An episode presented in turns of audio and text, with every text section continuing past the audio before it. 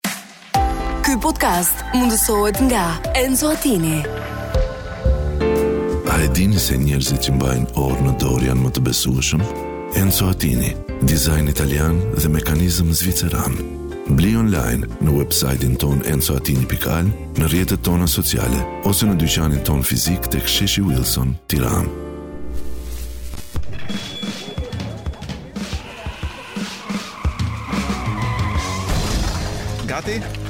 Ja, tu qënë Fillojmë Motori të shtyp Karroca e dorës të shtyp Opinioni të shtyp Turma në stadium të shtyp Shtypi të shtyp Burri të shtyp Por edhe gruja të shtyp Drejtori të shtyp Gruaja e drejtorit të shtyp Me raste Nëndrejtoresha të shtyp Kushdo me titull drejtor të shtyp Dhe po nuk e pate mendjen edhe pastruesja të shtyp. Tiktoku të shtyp. Safeti të shtyp. Shëndetësia falas të shtyp. Por sot nuk është e hënë. Sot nuk është dita për të shtypur. Domethënë sot nuk është e hënë. Mos ja lejoni askujt t'ju shtyp. Mirë se erdhe Koloreto. Mirë se erdhe Blerina dhe mirë se erdhën gjithë. Jo, mirë se gjeta thuaj se më gjete.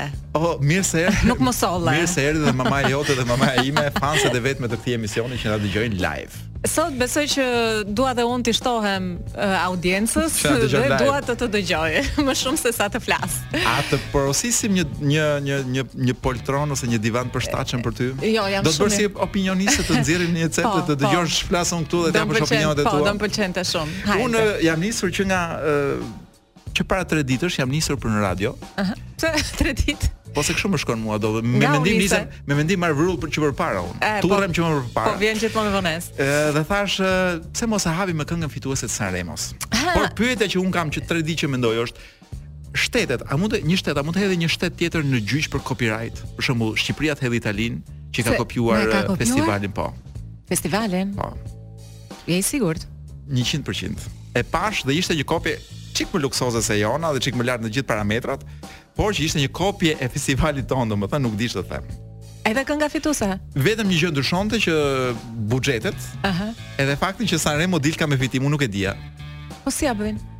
Ah, Këtu pastaj unë mendoj që ka dorë mafia sepse nuk nuk i jap dot drejtim tjetër. Ë uh, vura re ti mund mos kesh pasur kohë nuk e kam parë, nuk e kam për ta ndjekur, ndjekur këtë vit. Por vura re që në Sanremo këtë vit, le të flasim për gjëra domethënë që Po, po, të bukura. Jo të bukura, gjëra që pak aliene. Ë uh, në Shqipëri gjithnjë më tepër italofobe. Ëh. Uh -huh. Fobe ndoshta jo, po i, si më thon italo anashkaluse. Ëh, vura re që ata na kanë kopjuar dhe gjë tjetër, na kanë ah, kopjuar Big Mamën, sepse në Sanremo këndonte një Big Mama italiane. Një Big Mama dhe ata. Që më duket si një fotokopje e Big Mamës tonë kur ishte akoma. Ishte madhe ajo. Ishte një Big Mama. E qartë. Bjonde me gjithë gjërat që ka një Big Mama që jemi mësuar ne që të vegjël. E qartë. Tani a mund të të qeras me këngën fituese të Sanremos, e cila më duhet të them që është kënga me cilën do të garojë fituesja e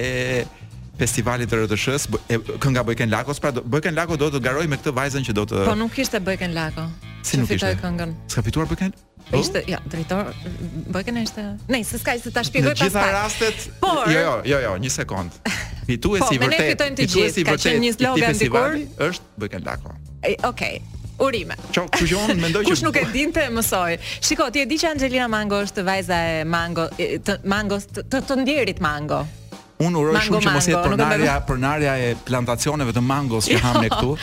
Jo. Ose copyrightit të, të emrit të mangos. Por me qënë se u ftove të flisnim pak për gjëra aliene, uh, Angelina Mango rifiton këtë festival, rifiton është hera e parë për të, në fakt po si gjini. është gruaja që fiton Sanremon pas 10 vitesh fitoresh mashkullore dhe Megjithëse mund të duket e parëndësishme, efekti meloni. Po. në Itali ka pasur një lloj ekoje edhe ky lajm. Një pra vibracion. që pas 10 vitesh rikthehet fitorja tek gjinia femërore. Nuk nuk më bën shumë përshtypje të them të drejtën, po. Edhe unë nuk e di sepse don un habitem kush është ai që i ka numëruar domethën, kush është ai që mban mend dhe numëron. Ajo që e fitoi herën e fundit, kishte dalë dhe kishte thënë jam shumë e lumtur që më në fund nuk jam un gruaja e fundit që ka fituar San Remon dhe kjo ndodhte 10 vite më parë. Kënga është një këngë dance. Është si kur shkon në radhën e qumshit, domethën Qoftë se mban mend, megjithëse së shpejti besoj do të do rikthehen gjitha ato radhat e dikurshme. Kur jo, pyes se kush është i fundit. Ka radhë vetëm për në opera në në Shqipëri. Në vendet e tjera nuk kemi radhë për fat mirë. Kush është i fundit? Ëm Po pra, ishte pyetja kush është i fundit që unë e pyes gjithmonë në bankomat dhe më shohin të gjithë vëngër. ja. Dhe unë do ta kuptoj nga shikimi kush nga këta që më shohin shtrëmbër, kush mund të jetë vallë i fundit? Blerina kënga është një këngë dance. Mërzia, uh, mërzia. Por edhe pse është një këngë dance, po t'i hysh dhe zbërthesh tekstin, teksti ka një lloj emocioni, ka një lloj poezie brenda. Dhe është shumë italian. Nuk e di unë është është mërzia, unë mendoj që mërzia, kisha idenë që mërzia është një një hall botëror, jo, jo. po nëse ti mendon që është hall vetëm italian. jo, jo, është desha të them në megjithëse është një rrymë që ndoshta mund ta gjesh kudo nëpër ë tregjet muzikore ndërkombëtare, gjithsesi ka nota shumë italiane. Po. Siç ndodh në përgjithësi me gjithë produksionin shqiptar që vetëm një notë shqiptare nuk e gjen brenda. nuk është e hënë, por ama ora është 18 e 16 minuta dhe un jam Blerina dhe përballë meje është Koloreto. Për të gjithë juve që që rrini qëllimisht pa orë se nuk doni të dini sa është ora, ja ku kemi njeri që jua prish festën. Kolo, pse ti nuk të qëllon Që të të pyesin, të lutem sa është ora. Të gjithë janë të pajisur me celular, ama asnjë nuk e shqetëson veten të fusi dorën në xhep edhe të nxjerrë celularin. Ty të pyesin prap. Mua më ndodh. A do po nuk të pyesin për don ora se wow. bepi e dashur Blerina, po tash kur do i marrësh wow. këtë gjë? Wow, edhe në këtë moshë. Pra, wow. Në të në të gjitha moshat. Meqenëse ra fjala mund të bëjmë një njoftim publik? Na jo, duhet një jo. gjysh për një film të shkurtër. Tash për mua. Na duhet një gjysh i interesuar për të luajtur për të luajtur në një film të shkurtër. Kështu që kushdo që ka një gjysh tepër le të le të njoftohet në në në numrin e radios. K kemi dhe ca nevoja të tjera. Kishte po kishte lajmi i parë nga gjithë lajmet e. Qëndroni aty se do t'i bëjmë publike pas pak. Kemi një buqetë lul, e, lajmesh, po. që është më shumë se sa po. lule, domethënë lajmet. Para unë dua të të ndërgjegjësoj ty Koloreto dhe të të them që sot është data 12, po vetëm pas 2 ditësh do të jetë data 14 shkurt. Dhe Nëse do të ma kalosh mua kështu sikur ti unë nuk e kam, di Unë i kam bashkuar 14 shkurtin me 1 janarin Dhe bën 15 Që është dita, jo, jo, 1 janar dhe 14 shkurt i festoj të gjitha të dyja bashkë në datë 1 janar Gjumë, relax, Baklava dhe tek tuk ndonjë film. Se s'do të bësh dhurata, kërnac. Dhuratat e mia në përgjithësi e dashur Blerina janë emocionale. Nuk jam materialist. Gjithsesi, por do do ndalemi te 14-a jote, meqenëse e kemi kaq merak sepse kemi një dhjetëshe që ka të bëjë me 14 shkurtin. Pra, është. Por unë tani do të të jap do të të informoj se ç'ka ndodhur javën e kaluar, pra një buqetë lajmesh, ë të javës që shkoi. Po si fillim një herë kemi pasur një asamble. Një asamble nga ato që të bëhet rrup sup. Unë e kisha lënë të fundit asamblen me idenë që po na doli koha. Ua, po si mund ta nisësh nga bishti? Domethënë si mund, nuk e di. Si mund ta lësh kokën për bisht? Çfarë të bëri përshtypje sepse ngaqë nuk kishte asnjë lajm brenda në asamble, lajm lajm real them unë. Çfarë thua?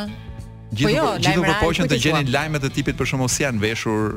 Për, mora vesh dikush ishte veshur me të vjetra, se lexoja vazhdimisht lajme xhaketat e vjetra, xhaketat e vjetra, thashë po s'ka. Unë në fakt. Dy leka ajo parti s'i ka prodhuar për të dhënë një xhaketë të re këtyre njerëzve. E di si mbërrita unë tek lajmi i asamblesë, unë nuk e dija fare që kishte asamble. Por sot një numër revistash dhe portalesh kishin bërë publik lajmin që ministrja Olta Xhaçka është rishfaqur në mediat sociale. Dhe pse është rishfaqur? pyeta unë veten. E para nuk e dija që ishte zhdukur. Por, përderisa ishte bërë lajm rishfaqja, do të thotë që aty kishte diçka dhe zbulova që i është tërhequr vërejtje në këtë asamble. Nuk je shumë aktive. Nuk është nuk e ndoshta mund të ketë qenë në tekst, por pse nuk poston tek tek post do të them pse nuk komenton tek postimet e partisë. Ja kshu e mora vesh unë që ka pasur asamble. Një lajm në nivel të kësaj të asamblesë është edhe një një ngjarje që ka ndodhur në Lushnjë, Dog Day Afternoon do thoja unë, ku pronari i shtëpisë kap hajdutin dhe e mban bllokuar. dhe është një ngjarje shumë shumë për të qeshur se ky zotëria kap hajdutin brenda mm -hmm. shtëpi Policia e dorëzon policia liron. Pse? Ky ka pra, po, po është një, ku di un policia Lushnjës ndoshta e konsideron uh, një hajdut me vlera artistike për për qytetin dhe nuk mund nuk mund t'ia heq, si me thën qarkullimit rrugor të Lushnjës një hajdut. Në Dibër Jo prit, pse më ikën nga Lushnja? Kam një lajm shumë interesant. Po në Lushnjë. Po po. Mhm. Lushnja, domethënë, me sa duket po ndodhin disa ndryshime dhe transformime soc-ekonomike dhe kulturore që duhet t'i t'i sjellim në vëmendje. Un zbuloj që plepi plepi, si si pem, si pem, si dru ka shpëtuar fermerët e Lushnjës. Mos më thuaj. Po. Domethënë, u ka bërë hije kur i zuri dielli, ë. Kjo tok pjellore në të cilën ti mund të mbjellësh dhe të rrisësh dhe të kultivosh gjithçka, është vendosur Edhe të freskosh, domethënë, po. Mos e lër pa përmendur që plepi të ndihmon dhe të freskosh. Është vendosur tek plepi sepse me sa duket uh, arrin të uh, vjelë të ardhura të konsiderueshme dhe paska që nga viti 2015 që, që ta lër pa, i është futur plepit. Po, i është futur plepit Lushnja po. Ua, i ka hyr Lushnja plepit edhe do të po ide, po, s'po i nxjerr dot fundin. Nuk bëjmë dot rim me këtë, po. është shumë frymëzuese. e di. Domethënë plepat tani ndoshta do të flasim për plepat e Lushnjës. Ta fusim në fjalor. Jepi. Ë, uh, ndërkohë në Gjirokastër, nëse në Lushnjë rikthehet plepi, mm -hmm. Gjirokastër rikthehet shahu sepse gjirokastritët dihet nuk do investojnë në plepa. Investojnë në gjëra të mendjes, siç është loja e shahut. Ëh. Uh -huh. Që me demek na paska qenë traditë dhe është rikthyer. Dhe lajm, ti kur më lejon të shoh median që ka publikuar një lajm të tillë. Mhm. Mm A është ajo media që s'e themi dot, e themi, po ajo Pikërisht. Ë ka publikuar këtë lajmin ë dhe lajmi është ky, në Gjirokastër kanë rifilluar të luajnë shah. Domethënë domino Ka ferment, ore, ka ferment në, nëpër qytetet e Shqipërisë Është fa, diçka. Gëlon jeta. Ndoshta ti mendon që ndoshta nuk rri mirë ke shahu, shprehja Fast and Furious. Po për Gjirokastrën, është një garë fast and furious mes dominos edhe shahut. Kush do arrin fin, do kush do jetë, kush do jetë loja që do mposhti tjetrën. Dëgjo, po... Po ecën mirë shahu, lexoj këtu. Shtohen dhe të rinj të apasionuar, ç'të them un. A, ka dhe të rinj. Domethënë, kaq, në terezi e kan në Gjirokastër sa Shikoj që kjo është lojë gjirokastrite, ore, sepse shahu është e vetmja lojë ku ti duhet t'kursesh gurët pra mos të t'i han. jo vetëm, po edhe energjit, se do lëvizësh thjesht dy gishta, domethënë dhe parakrahun. Dëgjo, unë dua të të çoj në Korçë.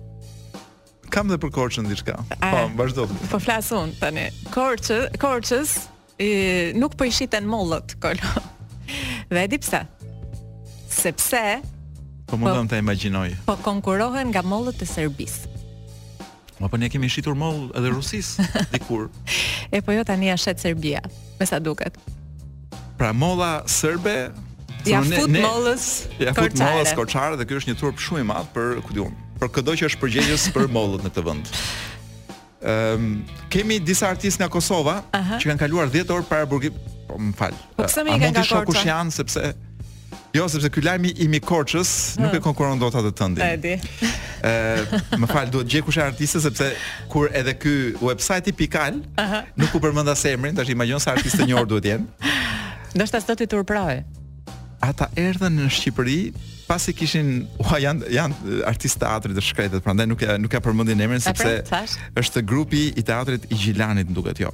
Diçka e tillë. Okej. Okay. Është janë ngatërruar nga policia shqiptare me ca kriminelë dhe i kanë mbajtur 10 orë në paraburgim, edhe pse unë dyshoj që Ëm artistët nga Kosova janë përpjekur që të me gjitha format të luajnë rolin e njeriut të pafajshëm. Kujt i bën teatër ti? Ëm, ç'të them unë? Tani po nuk e po ti po po që s'je artist i kompletuar, domethënë vulën ta vë policia shqiptare, duke të ngatërruar. Ky ishte versioni shqiptar i Oscarve. Do i marrim dhe i fusim brenda. Do vazhdojmë me perla të tjera apo do të bëjmë një break? Unë kam edhe një lajm për Dibrën. Ëh. Mm -hmm. uh, është pak i rëndë. Sepse ka të bëjë me divorcin, kështu që po po e si më po e mënjanoj si lajm. Mund ta po, kisha konkurruar unë me festën e 104 vjetorit të Tiranës kryeqytet, po ti ke dëgjuar gjë? Ke dëgjuar gjë? në kana në kanalet uh, ku unë informohem nuk kam dëgjuar gjë. E, unë po të mos kisha kaluar vetë nga ai kanal, që quhet Myslym Shyri, nuk do ta kisha ditur, po pashë që ishte bllokuar ditën e diel nga kreu, nga gjykata e deri tek Muhamet Gjollesha. Pra nga kreu deri te bishti. Pa. Po. E kështu, Kolo. Dhe për, dhe për ta mbyllur me një lajm të gëzuar, autobusët në Prishtinë do të pajisen me Wi-Fi. Po pse na çove në Prishtinë? Po thashë mos frymëzoj dikë që nga Prishtina për të shkuar në punë. jo, po si ta bëjmë që të marrim për të lëvizur këtu brenda Shqipërisë, vetëm të marrim një autobus nga Prishtina. Ë, uh, nuk e di. Nuk e di. Do ishte shumë bukur. Vetëm në imagjinatë, besoj. Ë, uh, Wi-Fi dhe shërbim falas, ëh? Mm. Dhe po ky nuk ishte lajmi i fundit, lajmi për për t'i vënë kapak lajmeve. Si shërbim falas, a jo që premtoi interneti në gjithë autobusët e Prishtinës do jetë falas. Ah, okay. Mm. Thashë edhe bileta. Jo. Ja. Ë, ndërkohë që nuk e di a të intereson apo jo, po mua më intereson shumë, ë ka dalë dhe në lajme kryetarja e AMA-s ka pritur homologun turk. Dhe? Mirë, kaq. Kaq. Se pak të duket ty. Jo, jo. Të presësh bukur. një homolog turk. Më pëlqej kështu. E di sa punë ka kjo punë apo jo? Nuk e jam kurioze për çfarë kanë folur, po Dhe paçka se Coloredo bën kështu si i pandjeshëm ndaj 14 shkurtit, ka kërkuar, ka ka urdhëruar një listë prej eh, ka 10, 14 në fakt janë, se 14 shkurt, ë uh, idesh po. se çfarë mund të bëni ju miq të dashur për partnerin ose partneren tuaj, jo vetëm në 14 shkurt, por gjatë gjithë vitit. Janë gjeste të vogla, por me një kuptim të madh. Që kur bëhen në një ditë të caktuar, ku ma gjen? Po sikur ta bësh përditë, aq më mirë. E fillojmë atëherë. Ëm, ehm, um, Një xhest i jashtëzakonshëm dashurie që mund të bëni për Shën Valentin është që t'i propozoni për martesë poshtë dritares së SB-së. Aty ku takohen të gjithë së fundmi. në rrugën e shpresës. Edhe edhe, edhe ata që nuk e dinë, do që nuk e njohin mirë Tiranën, dy dy pika njohin. Dritaren e SB-së edhe Skënderbeun. Unë mendoja që ajo do kishte qenë mirë të quhej rruga e lirisë. por ndoshta do të kishte një kështu keqkuptim dhe e kanë quajtur rruga e shpresës. Ë? Po, mund të ketë ndonjë shpresë në familje, mendoj unë. Dhe unë do isha që t'i mbante të dy emrat, rruga e lirisë dhe shpresës. Sepse e tillë është ajo rrugë Berina, do të themi të vërtetën.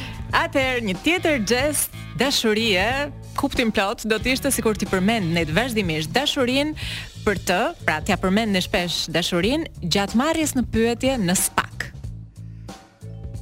A nuk të duket një gjest, një gjest sublim që t'ia blesh eurot që ka kursyer me kursin e para 10 viteve? Po sikur të mësosh fshehurazi pianon, gjatë gjithë vitit dhe t'ia bësh surprizë për Shën Valentin duke luajtur një këngë. Dhe që të mos dyshojë që ti ke filluar pianon edhe do t'i bësh këtë surpi, surprizën, mund edhe të hiqesh sikur ke dashnore. Pra, të lësh takime dhe në vend t'i thuash që po shkoj në një kurs pianoje, t'i thuash po shkoj të takoj një shok. Më pëlqen shumë si ide, ë dhe dhe ajo arrin majën pastaj në qoftë se kënga që do të mësosh me muzika që do luash në piano për dashur, do për të shprehur dashurinë të jetë kënga fituese bëj ken lakos në në festival. Ë do ishte ideale në qoftë se arrin të memorizosh radhën edhe intervalet e aplikimit të kremrave të kurës për të treguar se sa shumë e do. Në rastin e femrave, ë duhet memorizoni kalendarin futbollistik ndërkombëtar deri në fund sezonit. Ëm, um, mund t'i tregosh sekretin tënd më të madh, mundësisht me natyrë seksuale dhe poshtëruese, ose në kufi të kriminales. Ose mund t'i tregosh një recetë familjare të, mbu, të mbajtur të fshehtë për dekada të tëra. Ne dëgjojmë, ne dëgjojmë sa herë që dëgjoj këto batutat e, fantazitë e Florencit, vazhdimisht pyes veten çfarë pi Florenci kur shkruan dhjetën tonë. Florenci Zellari është kolegu që na përgatit dhjetën gjithmonë. Diçka tjetër që duhet bërë për Shën Valentin, një xhest i jashtëzakonshëm është gatimi i një ushqimi të preferuar, por të gatuash në formë zemre. Dhe dhe, domethënë, po, maja e kësaj është të gatuash në formë zemër kau. Sepse fakt me datë 14 çdo gjë serviret në formë zemre. Po mund të organizosh një piknik në fasadën e një kulle me gjelbërim vertikal, varur me litar. Po sikur t'i dhurosh pesë pensionistë nga lista e votuesve që ke ti në patronazh. Apo të blesh 5% aksione, t'i dhurosh 5% aksione në inceneratorin e Elbasanit. Unë mund thoja që është e thjeshtë fare të korruptosh një kryetar bashkie të këtyre qytezave të vogla dhe të varfra, domethënë qyteza është e varfër, jo kryetari, dhe të vendosësh bustin e tij ose bustin e saj në qendër të qytetit. Halli është që nuk do i bjerë do, do të rruga ndoshta andej, po Mund t'i shërbesh mëngjesin e spitalit në krevat. Në rast se ky Shën Valentin ju gjen të shtruar me virozë, sepse në fakt nuk është se ka ndonjë mënyrë tjetër për të ngrënë mëngjesin në spital.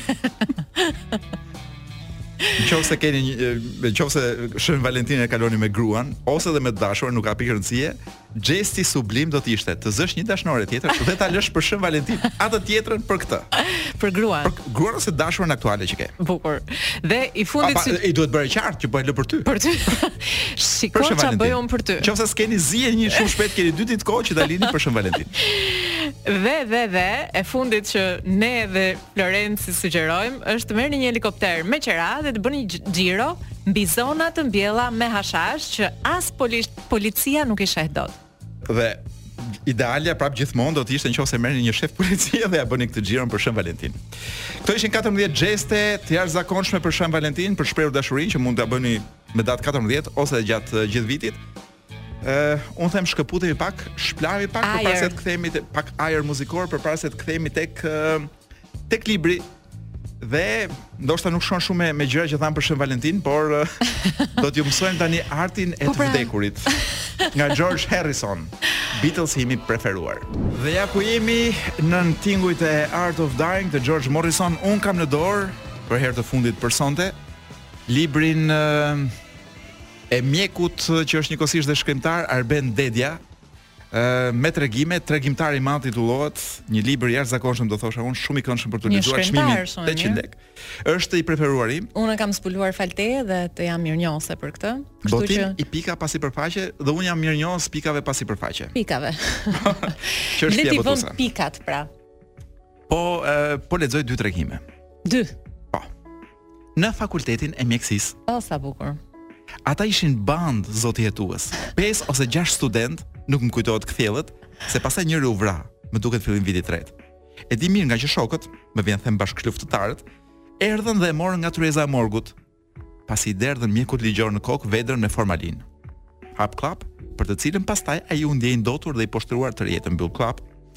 Kufomën ia dërguan familjarëve me kamionin që sillte oksigjenin nga Elbasani. E rrëmbyen dhe ishte njëri prej tyre që e ngiste. Bombolat e kamionit i mbollën rrugës. Mbaj mend që u tha që mbi kufomë kishin hedhur kapicë gjithë plaçkat e vjedhura nga i ndjeri gjatë aktivitetit të tij studentor. Përfshi dhe flamurin kuqezi, shkulur nga ndërtesa e dekanatit. Bile fillimisht unë i kredhur në shkencën time, kujtova se kishte qenë ai i vetmi keqbërës ndër studentët dhe pata fshirë fare nga kujtesa ngjarjen, siç fshim një makth. Gjer m'u desh të ripërtyp gjithçka ditën e provimit. I pari syresh, në dukje tejet i sjellshëm, në çastin kur tërhoqi fletën e tezës, vuri mbi letrën e bardhë, që do të mbetej përgjithmonë e tillë, revolen me mulli, ashtu natyrshëm, si të ishte stilolaps. Po tregohem zemërgjerë me ju, profesor, tha. Kërkoj vetëm notën nëntë. Nuk e njihja. Afërmendsh që kishte munguar në gjitha leksionet dhe praktikat e lëndës, por tashmë kjo puna e mungesave hynte në të drejtat e studentëve. Pata intuitën t'i bëj menjëherë si pyetje të vetme, ia theksova të vetme, Më të lehtën, atë që e ruaja kur desha të kaloj dikë. Formulën e dhëmbëve të një njeriu. Kërkoja kështu zoti hetues, t'i jap legjitimitet provimit. Gabova. Sapo dëgjoi fjalën formulë. Një rrudhë e thellë iu gdhend në ballë. Nuk qenkemi kuptuar, tha. Fakti që arrinte të përdorte mënyrën habitore të foljes më dha shpresë. Ç'leshko u tregova. Duke e parë skenën të ngadalësuar me sytë e tanishëm, them që Zoti, vetë Zoti i Madh, dhe dhe këtë e thotë një shkencëtar që nuk ka besuar kurrë në Zot, por që ndërroi mendje qysh prej asaj dite, duke shquar bile së paku Zot mirëfilli, më shpëtoi nga vdekja. Kjo është një skenë, një pro, jo një skenë, por një përsiatje një profesori që rrëfen uh, para uh, para prokurorit ngjarjet e me studentët. Unë besoj që janë studentët e nëntëdhjeteshtatës. Ë, por kam tregimin tjetër me titull Qëllo o Lilo, se na e kaloi Palestina. Ah. Pas tij dera u përplas. Nga pasqyra e korridorit pa të shoqen kruspull mbi minder. Gruaja u hodh përpjetë nga zhurma dhe filloi të ngrihet. I biri doli përpara. E shihte të atin në sy me një vështrim të etur. E la veten të zhyte në kolltukun pranë hyrjes dhe hoqi nga qafa gjerdanin me fishekë. Ishte një gjerdan i veçantë, metalik, dhuratë e një miku, nga një depo me municion të një cilësie të lartë. Djali i hodhi një vështrim të shpejtë gjerdanit, sikur përpiqej të numëronte fishekët e mbetur. Pastaj u ul në gjunjë dhe filloi t'i heqë të atit çizmet e përbaltura, duke ia tërhequr fort. Vdiqa, tha ai dhe kërkoi me sy shapkat. Djali vrapoi t'ia sjellë. Ndërkohë gruaja, duke lëvizur me vështirësi me barkun e madh, ish afruar furnelës. E ndezi dhe hapi kapakun e kusisë, si e habitur për ç'kish brenda. Ai kërkoi me një vështrim shikimin e të birit. Djali ia nguli sytë dhe mohoi me kokë. As sot s'paskemi dalë në lajme, mendoi. S'paskemi dalë te lajmet, mendoi. Ndezi televizorin dhe filloi të hajë. E linte të pikonte lëngun e fasuleve nga luga, teksa ndërronte me nxitim stacionet. Kur ato mbaruan, e filloi xhiron nga e para. Më nxirr një kupë raki, i tha të shoqes. Ajo ia mbushi duke bërë kujdes mos derdhej. Mamaja nuk vjen dot, tha. Thonë se kanë minuar urën e Mifolit. E di, i tha ai. E la televizorin te kanali i Euronews. Kur të fillojnë dhembjet, dërgo Engjëllin të trokasë te Zerina dhe preku të birin te supi. I biri u kthye dhe e pa në sy. Qumësht për nesër nuk kemi, tha. Qumësht për nesër nuk kemi, tha ngadalë e shoqja. Ta sjell unë në darkë. Kaloj nga shtëpia e dyqan e dyqanxhiut, i tha. Po shtetrrethimi? Ai ndezi cigaren. Jashtë nga perëndimi qielli kish filluar të kuqëlonte prej diellit që i afrohej. Kish dy pallate të larta ngjitur me pallatin e tyre, që e linin të kundronte vetëm një cep të largët deti me bregun që i rrëzohej në gji. Gjithçka ngjante si një pikturë e grisur. Me këtë shtetrrethimin, më hëngre veshët, i tha të shoqes. Ne jemi shtetrrethimi. Kur dera trokiti, preku të birin te supi dhe i tregoi derën me gisht. Djali vrapoi ta hapë. Po ti, si e lë kallashin jashtë pragut? U dëgjua zëri i burrit që hyri. Ishte i gjatë me njërin sy të prishur, që i rrinte gjysmë i mbyllur. Kish në kokë një kapele të gjelbër, së cilës ia kish ulur veshët dhe dhe i kish lidhur pas qafe. E po kam fëmijë, tha ai, duke treguar me mjekër të birin. Kush vdiq për kallashin tim, mor aman? I gjithë pallati është i armatosur. Burri ë Burri syll, syll është kemi atë gjysmën e syrit. Burri syll hodhi të vetin krahaqafë dhe u vu me këmbë të hapura para televizorit. Mos shiko tha, mos shiko kot, se nuk japin gjë tha. Na gënjeu qeni. Hajde tani vishu, të zbresim te Bregu i Frëngut se na presin. Ata janë të Euronews a qysh i thonë nuk e di, por kësaj radhe ngjajnë si për së vërteti. I veshur jam, tha ai. Kemi ca ditë që jemi bërë lajm i dytë, tha pastaj, duke tundur kokën me dëshpërim. Burri syll nënqeshi hidhur. Fuoristrada ishte gjithë baltë me xhamin e prapëm të thyer. Kur iu afruan, panë që sakaq djali qe ulur në ndenjësen prapa shoferit. Ai ia bëri jo me gishtin tregues të birit dhe iu afrua portës, por djali u shty nga ana tjetër e ulëses. Dil. I thirri edhe burr, edhe burri syll. Nuk dëgjon, i tha burri syll dhe nuk flet, shtoi. U mori nja dy minuta për ta bindur djalin të dilte, pastaj burri syll e humbi durimin. Le të rrijë fundja, s'na prish punë, e lëmë në makinë. Burri syll u ul te vendi i, sho, i shoferit dhe ndezi motorin. Teksa manovronte për të dalë në rrugë, ai filloi të gërmojë xhepat e xhupit dhe i zbrazi mbi kruskot. Fishekët ishin me qindra. Tyfekët lidhur me gjalmë, fishekët në xhep i mbajnë. Këndoi burri syll. Nuk e bëj dot me melodi se s'e di melodinë sa.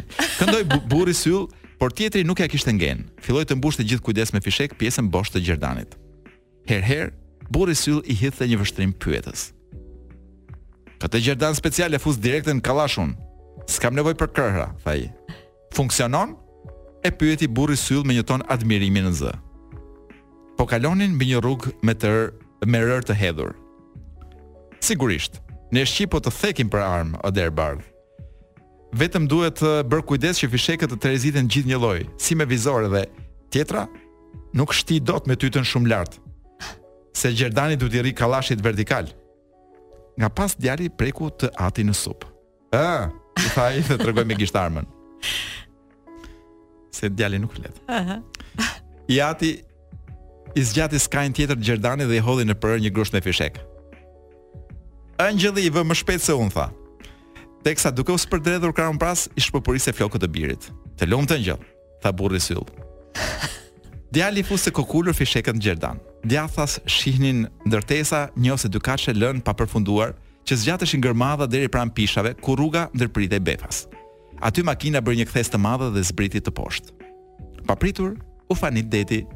E kthyen makinën me të pasme nga deti, si për të dashur të iknin prapë dhe zbritën. Burri syll mori nga bagazhi një çantë të zezë. Kishte stampuar një stemë me tërfilin e Adidasit. Po nën të qe shkruar Abibas, se dëja qe stampuar anapulla, si të qe bë. Ai ia bëri të birit me shenjë që të mos luante, që të mos luante që aty. Pastaj burrat u varën në rrëpirën e vogël që të çonte tek uji. Djali i përshëndeti me dorë. Ja, ia bëri burri syll dhe, kur ngriti dorën të tregonte me gisht, këmbët i rrëshqitën paksa mbi zall. ishin tre që po i prisnin. Gruaja dukej që ishte e huaj. Djaloshi pranë saj duk duhej të ishte përkthyesi, kurse për tjetrin nuk dinin ç'të thonin. Se rrinte në një farë distance me pantallona të mbledhura mbi gjunjë dhe kërcinjtë në ujë. Në sup mbante kamerën. Burri syll, qeshi, Fillojmë, iu drejtua djaloshit dhe pa pritur përgjigje hodhi përdhe çantën. I hapi zinxhirin dhe nxori krehrin me fishekë. E vuri me kujdes te kallashi, pastaj i hoqi armës siguresën. Dy krehra të tjerë i rrasi në xhepat e xhaketës. Duhet të qëlloni në këtë drejtim, u tha djaloshi dhe bëri me shenjë me dy krahët nga duhet të shkonte koni i breshërimave. Gjysma e fushëpamjes aty ishte det, gjysma tjetër një gjuhëz bregu Me përsipër një bunker si lyth. Gazetarja po e fotografonte. Burri syll pa në mënyrë pyetëse. Përndryshe dilni në kundërdritë, e thotë kameramani, ia bëri djaloshi, duke treguar me kokë nga burri që rrinte në ujë. Kameramani i përshëndeti me dorë. Ai hodhi gjerdanin me fishekë pas qafe dhe la të cikë përdhe. Nga përpara gjerdani i kalonte në gjoks dhe zbriste deri tek arma. Hoqi siguresën. Gati! tha dhe ndjeu gojën të tharë. U kthyen të dy si automatë nga drejtimi ku duhej të shtinin. Gruaja ngriti krahun, shkëmbeu një shikim të shpejtë me kameramanin dhe uli krahun rrëmbimthi. Nuk e panë se ajo dhe djaloshi ndërkaq kishin zënë vend pas shpinës së tyre, Zjarr! përktheu djaloshi. Qëlluan. Zallahia ishte e tmerrshme. Mbanin të dy të njëjtin temp, ndoshta burri syll ish pak më përpara, por u desh të ndalej për të ndërruar krehrin dhe atëherë ai pati rastin të bënte një solo madhështore që zgjati e zgjati. Ndonëse do të desh të kish zgjatur akoma.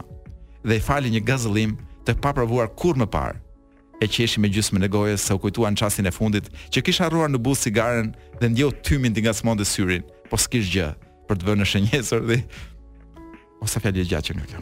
Po s'kish gjë për të vënë në shënjestër, i, uh, i duhej thjesht të shtinte me batare teksa e filmonin, e stërfilmonin për ta shfaqur pastaj në gjithë botën e kështu përkuli pakëz gjunjët dhe ngriti tytën si në ato filmat ku partizanët shtinë lart me me hare për të festuar fitoren dhe ndërkaq shihte klith thët kithët kameramanin që fiksonte me syrin qyqan të kamerës teksa pas shpine gazetarja dhe djaloshi diç molloisnin, por nuk kuptoi mirë e bëri sytë tek mbërthente këmbëzën tjetër që i thirri. Qëllo Lilo se na kaloi Palestina. Do të bëheshim lajm i parë, domethënë. Më duhet ta ndërpres tregimi ka dhe pak finalja është tronditëse. Shumë e bukur është. Por me urdhër nga regjia, koha mbaroi. Këtu japim fund edhe leximit të librit Tregimtar i Madh i Arben Dedjas. Botimi Pika pa sipërfaqe kushton vetëm tetëqind lekë. Ky podcast mundësohet nga Enzo Attini.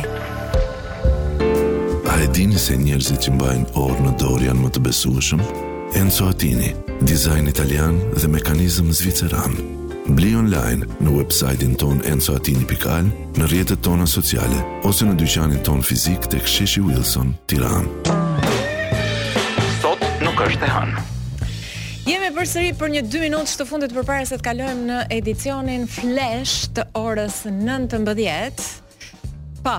Kam një pyetje Blerina. Po hë, mos ki turp. Se ti ke parë botë me sy. Unë çfarë thua ti? A ke dëgjuar për këtë divorcin gri? Jo, ç'është ky? Po mos ma do ma konsumosh kështu? Divorcin gri? Do Po e fillojmë këtu dhe mbarojmë, si me thënë. Mund të jetë një divorc si nuk është. Ne e mbarojmë muajin tjetër po të duash. Ëh. Divorci gri është ky fenomeni i të divorcuarit. Ëh. Uh -huh. Brenda shtëpisë. Jo, mbas të po po, edhe jo në green screen. Do kur ti e merr dhe e vën në një green screen dhe një green screen, jo green, e thua këtu do divorcohem. Jo, është kur njerëzit vendosin të divorcohen mbas të 50-tave. Oh, gri se është kështu me, me flokë gri. Dhe dhe më habit shumë, po. Uh -huh. Më habit shumë fakti që kjo është koha ku shumica e njerëzve dorëzohen, pra ata që janë martuar 18 vjeç po themi. Jo, nuk dorëzohen, përkundrazi. Është e kundërta. Në sheh varet si e vë lenten kolo. Jo, unë po mendoj. Po të dorëzoheshin, nuk do të divorcoheshin. Këtë po them pra, që nuk janë dorëzuar. Njerëz që njoh unë, njerëz që njoh unë. Aha. Që janë martuar që të vegjël fare. Po. Ë mund ta kenë menduar, mund ta kenë çuar nëpër mend kur kanë qenë 25, 35, 45, po vjen pastaj pas 30 sa vjetësh, njeriu lodhet duke menduar për një divorc. Po. Dhe ai fund jete që ka ngelur do e kalojë ashtu si domethën me yrysh, ashtu.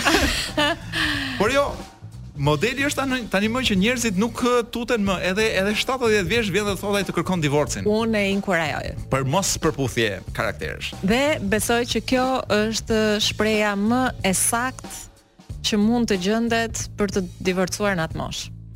Sepse Është një moshë fakt ku ti do të divorcohesh dhe njerëzit të thonë mendo për fëmijët se ke të vegjël. Kjo është mosha ku thonë, po mendo për nipërit.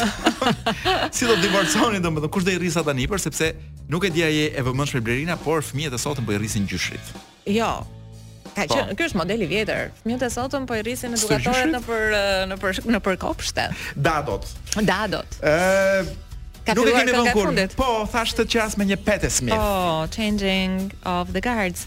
Dhe ne do t'ia lëmë radhën uh, Edit pas pak. Për lajmet dhe rikthehemi me Sot nuk është e hënë. Orën e dytë, orën e dytë të transmetimit.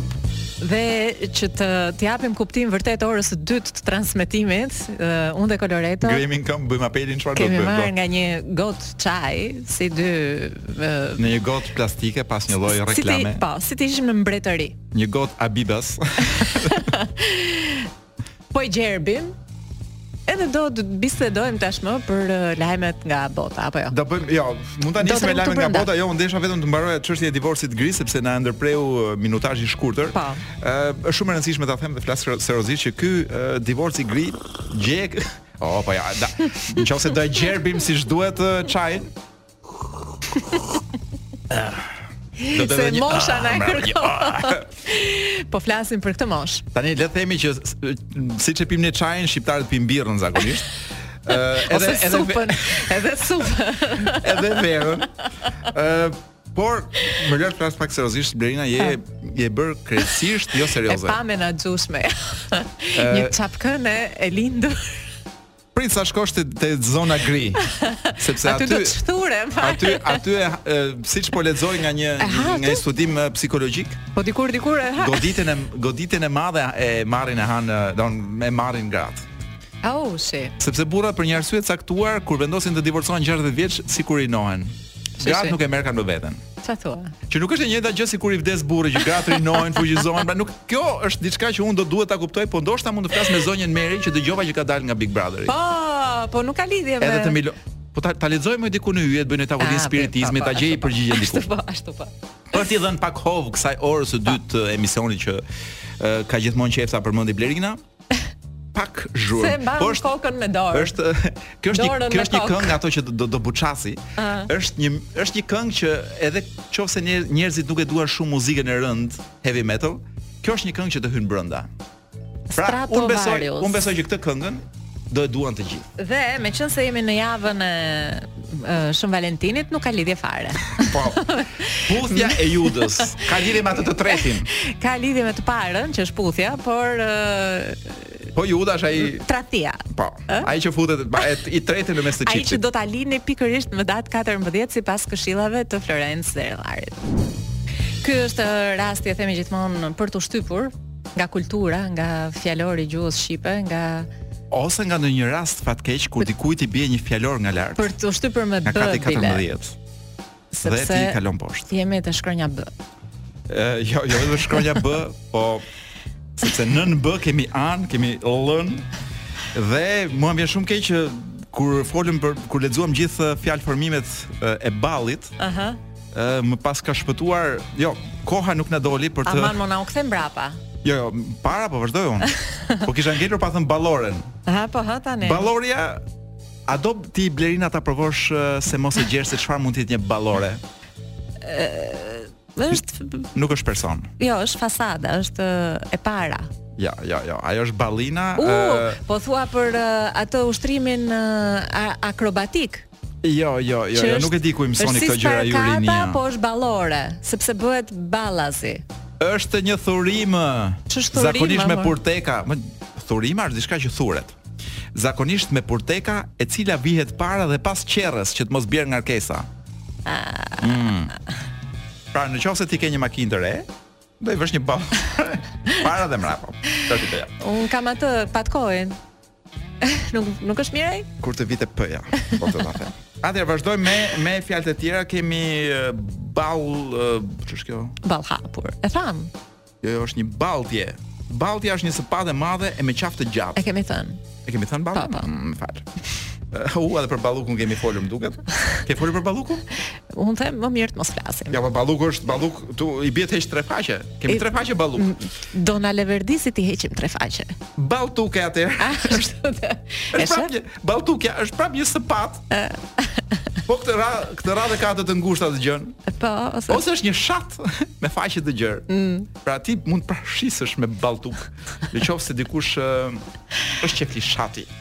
Blerina Balluku. Balluku, Ballësor apo Kaptell, Balluku i Samarit, Balluku i Djepit. Mm? Kjo ll-ja sikur të ngel pak në gojë. Cjapi shembulli këtu është cjap me balluke. Ë është tufë flokësh me të më të gjatë që bie mbi ballë po, etj etj. Po, po, po, po. Ballukecjapin e imagjinojmë se çfarë është.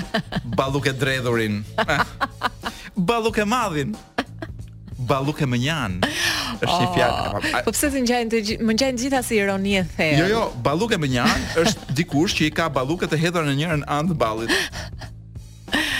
Ose që i merr nga pas për t'i hedhur në njërin anë të ballit. Ballukepërpjetë. është fjalë e shqipes. Uh -huh. Ballukeprerë. Ballukeverdhë, ballukezi ose ballukezezë. Më jep një gotë ujë o moj ballukeprerë. Ballulur dhe mbaruam me ballët. Ballu, çfarë thua? A balluluri është uh, dikush që ka Kokulur. kokën po, kokulur Ah, ashtu. nga hidhërimi ose nga vuajtjet. Ah, nga vuajtja po. Ë dhe ikëm nga nga ballët. Bam. E di ti ç'është Bami Blerina? Është Bami është një e ka një gjithmonë që s'dihet cila është. Është fëmija ose pjella në kuptimin e përgjithshëm. Ia bëri Bami vetë. Ah. I gëzohet Bamit vetë vetë. Ia bëra Bam dy herë. Vërtet. Jo, kjo është për është për marrëdhënie seksuale desha të thosha. Po ndoshta nga kjo masë vjen dhe fjala Bam. Ka një një po një lidhje. Kjo është fëmija, po Bami. Origjina e e fëmijës është Bami. Është pastaj edhe fjalë onomatologe, onomatopeike. Po, on, shumë e vërtetë. Përdoret për të dhënë krismën e një arme. Aha. Ëh. Edhe kur flasim për qitje të tjera, u sa paska bami, do të paska një 10 shpjegime. Uh -huh. Ikim te bambuja, un besoj që tashmë e kemi provuar gjithë po, një bambu në jetë. Po, që me ardhjen e demokracisë. Po. Na ka hyrë gjithë një bambu në jetën tonë. Ëh, kemi bamën, Prap krahinore, fjalë e vjetër, bama është një qyp i madh prej balte që përdoret zakonisht për vaj. Ëh. Uh -huh. Ndryshe mund quhet edhe pile. Uh? Ose pile, nuk e kuptoj mirë, se nuk e kuptoj ku është theksi. Shiko, do ta vësh mirë atë theksin. Ose baltë gore. Baltë gore. Ose baltë gore. Pra kemi bam vaj ose bam me vesh. Okay. Bamirësin e dim, e dim. E dim, por nuk e kemi parë me sy. Ëm, um, bamirësia dihet, bamjet e eh. Banaku eh. Bamjet i kemi harruar se kanë shkuar pak shtrejtë. Banali dhe banalizimi, banaliteti, banalizoj, banalizohet, banane. E, imagino, edhe këtë, me vizatim besoj jo, po të shpjeguar. Jo, ka, ka dhe dhe shembuj. Aha. A, a prit, atëherë, në qoftë do ta dish se si exact. shqiptarëve që s'kishin parë ndoshta banane pa. me po. sy, ua ka shpjeguar në atë kohë, ishte kjo. Në botanikë banania është një bimë e vendeve të nxehta, me trup të lartë, me gjethe shumë të mëdha, me lule si vile, që bën fruta të gjatë, të kthyer, të tultë, me lëkurë të trashë e të lëmuar. Deri na mos saboto leximin e fjalorit. Është e vetmja pikë ku unë do të preferoja seriozitet në sallë. Fal. Po e lamë. Të turp. Fruta të gjatë të kthyer, të kthyer. Pra, që bën fruta të, të gjatë, të kthyer, të tultë, me lëkurë të trashë e të lëmuar, uh -huh. me ngjyrë të verdhë kur piqen. Uh -huh. Të ëmbël e me erë të mirë. Uh -huh. Fruti i kësaj bime. Ama po u poq më shumë se duhet bën të zinj. Pyll bananesh, lëkurë banane, ngjyrë banane, mm -hmm. akullore me banane, qëroj bananen. Dhe dash në rdiko, vajzë është si banania. Ose si bananishtja, ku bananishtja është një pemishte me banane. Bukur. Bandazhi është fasha, banderolat, besoj se e kemi idenë, një pëlhurë, një rrip i gjatë pëlhure ose letre etj etj.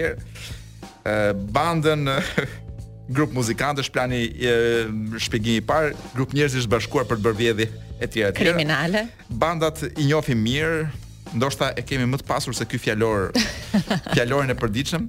Bandill. Oh. Djalë i ri, e i pashëm, djalë i këndshëm, i afrueshëm e i qeshur, të ka nëna bandill. Mori një bandill. Por, ë uh, Po pse ka konotacion me, me shaka, me shaka në kuptimin e dy. Prit, se ky ishte kuptimi i parë. Fal. Me shaka në kuptimin e dy themi, djalë i ri që do një vajzë i dashur i zemrës, Bandill. E priste bandilli.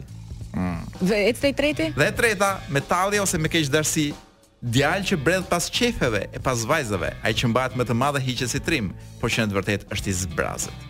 Turmë bandillësh. E kapën atë bandill. Oh, pse unë gjithmonë e kam uh, futur në grupin e ben, e bandës bandillin. Jo, jo.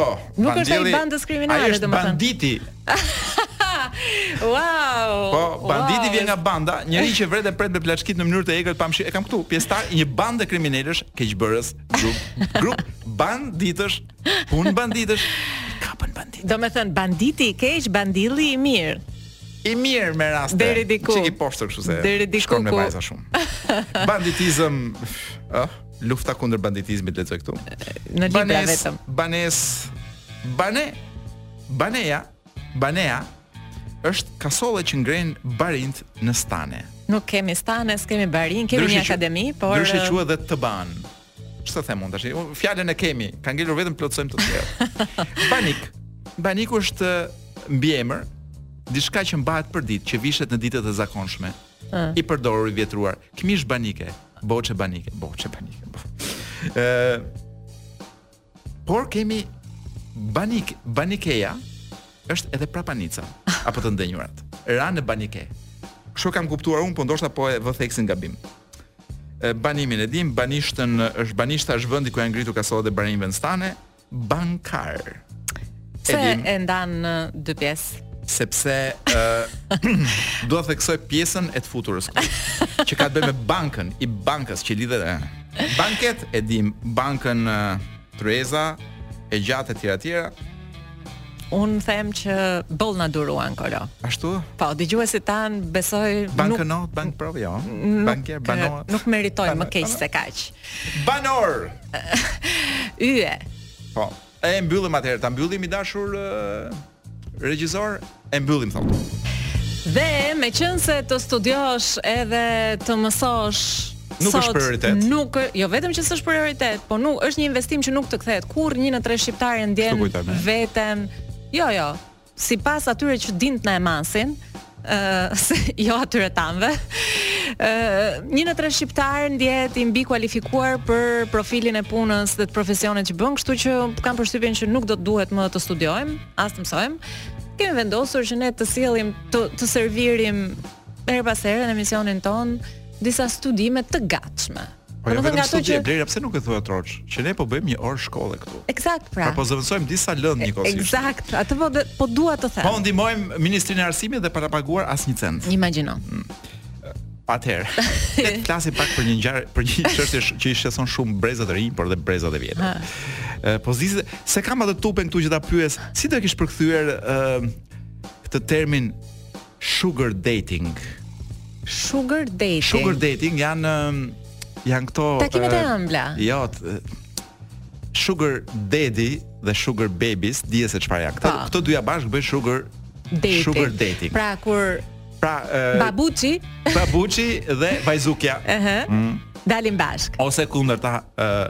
Mamasita me me çunakun, me Nokia me çunakun.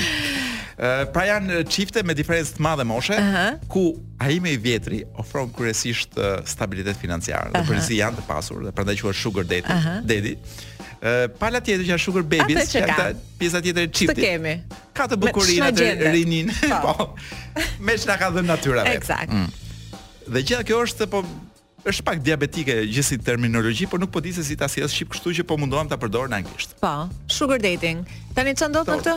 këto çiftet e maturuara. Ë uh, është bërë një studim uh -huh. për të kuptuar se çfarë ndodh vërtet me këto çifte. Ashtu. Ka, studimi. Ka një informacion të gjerë dhe të gjatë, uh -huh. dhe thellë.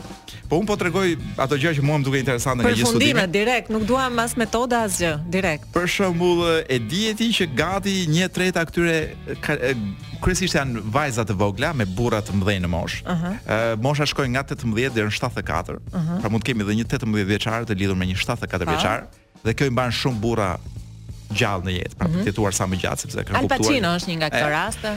Ëm, një e treta e këtyre vajzave në përgjithësi kanë janë në fushën e, e transaksioneve seksuale, pra o merren me striptiz, o me kudion, o eskorta. Nuk do ta kisha menduar. Eh, kurse këta gjyshrit po themi, po. që ofrojnë sheqerin, uh -huh. gjyshrit e sheqerit. Merren me pensionet, besoj. E, e, me sigurimet shoqërore. Gjyshrit ka një histori ë uh, pagesash të vazhdueshme, pra historikisht kanë paguar për seksin. Po kush ka dhe paguan o, o ti kolo tani? Nuk po i paragjykoj. Ha, ashtu da. Unë i biles unë i mbështes transaksionet sepse Transaksioni ekonomik është brenda. Financiar. Pra kjo lidhje ka në bazë edhe financën që këta të pasurit, gjyshrit e pasur paguajnë për mbeskat e mbeskat ta shajmë për për këto vajzat e vogla ose djemtë e vegjël me të cilët lidhen. Pra këta i mbajnë po themi. Po. Por gjëja që nuk di është çfarë lidhje ka emocionale mes tyre. Nuk e thotë studimi? E thotë. A? Dhe del dhe është studimi i parë i kësaj natyre. Po, afeksion. Dhe del që e, shumica vajzat e vogla kërkojnë një lloj stabiliteti te këta burrat. Këta burrat kërkojnë rininë dhe shoqërinë, atë gjë që u mungon. Ë, por vjen një moment që palët po. edhe lidhen emocionalisht me njëra tjetrën. Po. Edhe me Dhe ndryshe nga ç'mund mendohet që këta me para, këta gjyshrit me para bëjnë ligjin se kanë paranë, nuk është krejt ashtu. Po, ja, s'mund të jetë ashtu. Sepse balanca e pushtetit lëviz. Patjetër. Sepse kjo goca e vogël ka ca mje, ka ca mjete Dhe gjeti si kanë kuptuar se ku është balanca e vërtetë? Pra, si e kanë kuptuar. Të thashë nuk na duhen metodat, na jep vetëm përfundimet. Ata Kjo metoda ka shumë rëndësi sepse këta u përpoqën të kuptonin ë përdorimi i kondomit në këtë marrëdhënie. Në qoftë se përdorimin e kërkon mosha e re. E mosha e madhe nuk i bëhet më vonë për kondom. Ndoshta nuk e di as ç'është po, më kondomi. Është bonus. Ka filluar të harroj. Pra sa më shumë përdoret kondomi në këtë lloj marrëdhënie, mm -hmm. pra prezervativi aq më shumë Kuptohet që mosha e re ka pushtet mbi marrëdhënien. Ah, ashtu da. Mm. Është bonus. Dhe e kundërta. Hoqa. Dhe e kundërta. Ë uh, moshat e reja në këtë lloj marrëdhënie mendojnë gjithmonë që jo gjithmonë, por herë pas here kanë dyshime se mos vallë po shfrytëzohemi. Ah. Gjë që ka dhe mosha e madhe që mendon që po, mua më, më do vetëm për lekët. Dëgjo, po pse janë kaq të paqartë, nuk e kuptoj. Pse janë kaq konfuzë në këtë transaksion kaq, domethënë transparent? sepse dashuria gjithmonë të krijon të tilla konvulsione Blerina. Më pëlqen që e solle pikërisht javën e festës së të dashuruarve. Dhe gjëja që bëjnë këto çiftet, ëh, uh -huh. Po apo kjo festa e të dashuruarve ti e di që në Shqipëri shumica e burrave nuk e kanë për gruan, dhuratën më të shtrenjtë nuk e bëjnë për gruan. Ëh. Ëh dhe ky termi i këtyre gjyshërve të pasur me këto gocat e vogla është Jo termi kjo, po ky fenomeni është sugar dating, është tashmë edhe në Shqipëri mjaftueshëm i përhapur. Unë di rastin e njërit për shembull që mm. shkon për këto vende ku harbon rinia. Mm -hmm. Një tufë eurosh në dorë që ta shohë. Po. I nxjerr kështu ashiqare. Po po, i, i do t'i kaloj këto pjesa që do do t'i ti pëlqesh, t'i, ta shohësh, ta qeras, që po, po. shkon direkt me me tufat e eurove në dorë. Por, por, por për ta përmbledhur, Të gjithë këta njerëzit thonë që çifti i tyre është prapë një çift normal. Pra kanë gjithë pavarësisht se kanë këtë marrëdhënie seksuale po, financiare. Po, sepse ka Po bëjnë gjithë gjërat që bëjnë çiftet e tjera. Qartë. Ku di un, hanë një dark, shohë një film, ku, po, di un dalin me sho, dalin me shoqërinë ose dalin dalin dalin 3-4 çifte bashk. Po se si ja bëjnë për të kombinuar moshat, un këtë nuk e di. Dhe do duhet ta lexoj studimin si me thënë të plot 700 faqe. Në Lija shkojnë.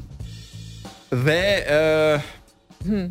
Ç'të të them Blerina? Është e bën ky studimi e bën të duket sikur kjo është kjo është e ardhmja. Johnny Cash me Personal Jesus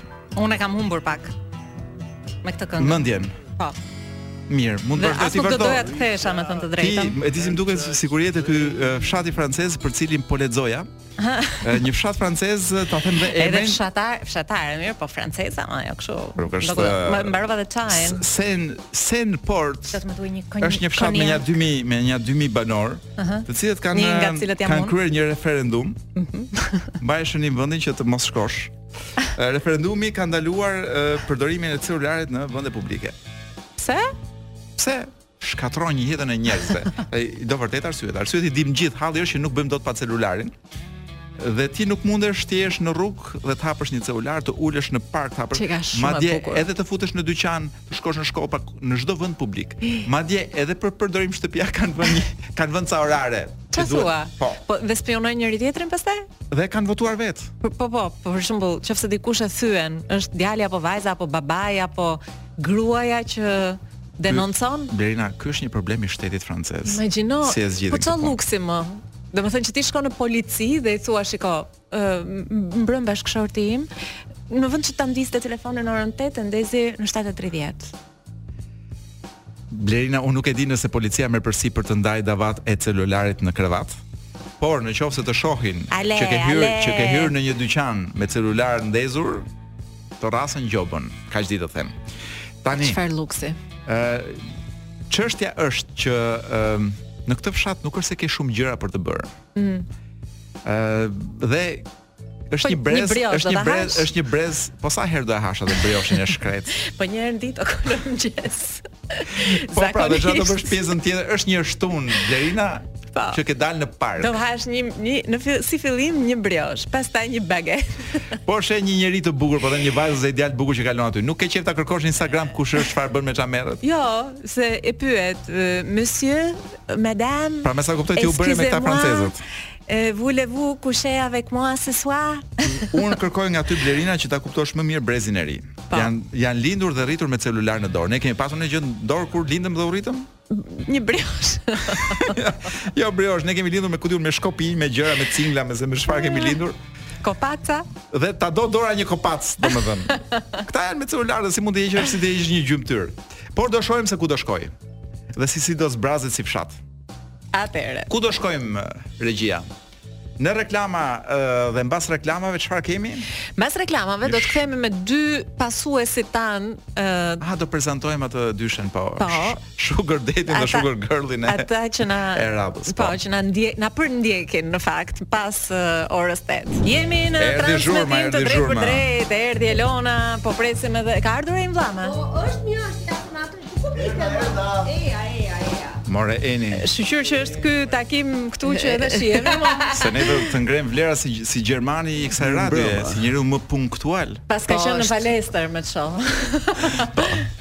Mbarova sesionin tim të stërvitjes. Si shkoi emisioni sot? Shumë shumë mirë. Vajti kur thot populli tull. Vaj. Po, po dëgjoni tonin që do jetë shumë cool. Çfarë kemi do jetë një përplasje dashuri çka është dhe shoqëri çka është për shembull nëse mm, do ishe përballë një zgjedhje të dashurën Kolo apo shokun e ngushtë në rastin konkret. A mund mi Romeo? A mund mi konkretizosh më shumë po? Pra nëse un kam Romeo shok të ngushtë. Jo, jo, ti je Romeo. A un jam Romeo po. Ke Julietën, ke dhe Nuk e di si quaj ai shoku ngushtë i Romeos. Ai me ngjyrë. Un po të isha Romeo do isha për një threesome. Pra s'do humbja asnjëri. S'e kishit menduar këtë? Na e futa. Është bota moderne. Di ça thjesht nuk ja themi dot atyre që mund ta mendojnë ata. Un them Kolo for Big Brother. Kemi mundsi, kemi mundsi. A mund t'ju bëj një pyetje? Jo pyetje. A mund t'ju kërkoj një, jo, pa seks. Përgjigja mund të jetë edhe me seks. Pyetja, pyetja është pa seks.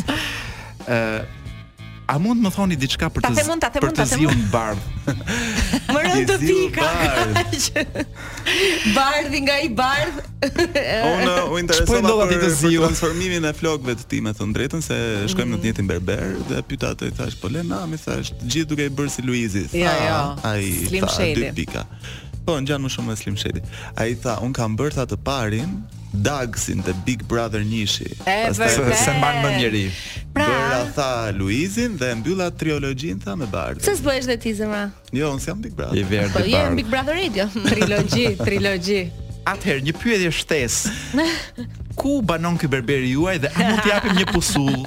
Nuk e di sepse është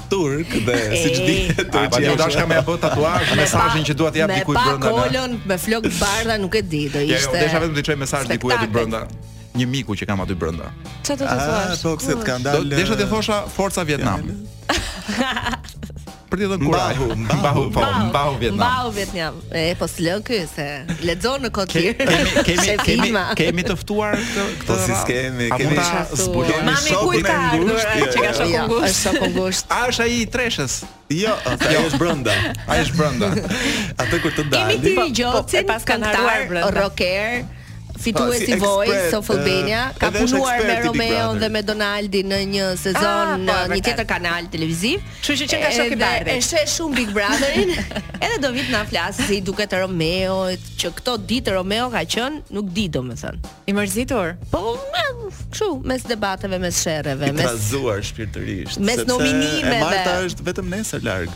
Po sepse ka qenë edhe çik kështu koha si me re, shi, domethën është pak meteoropatik ai. Un kam një ide, un kam një ide për programin tuaj, nuk e di a i merrni seriozisht idetë e mia, kam kuptuar që jo. Ë, a mundet që në emisionin tuaj të shisni objekte, të dhuroni objekte publikut, objekte të njerëzve. Për shembull, një shami hundësh të Jul Dedës që ka fshirë hundët dhe ka hedhur lekë. Këto do ishin më ikonike të Jul Dedës. Do bija. Po kush do ishte interesuar? Do bija atë po. Po kush do ishte interesuar për gjëra kaq? Exact.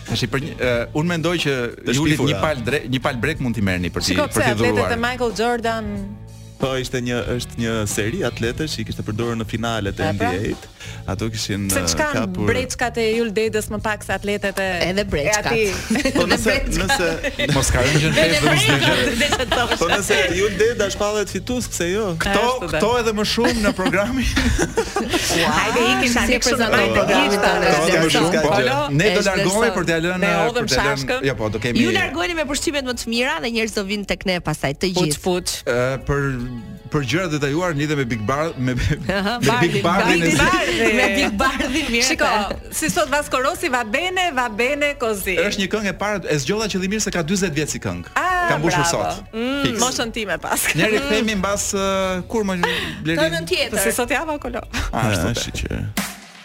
Ky podcast u mundësua nga Enzo Attini. A e dini se njerëzit që mbajnë orë në dorë janë më të besueshëm? Enzo Attini, dizajn italian dhe mekanizëm zviceran. Bli online në website-in tonë enzoatini.al në rrjetet tona sociale ose në dyqanin tonë fizik tek Sheshi Wilson, Tiranë.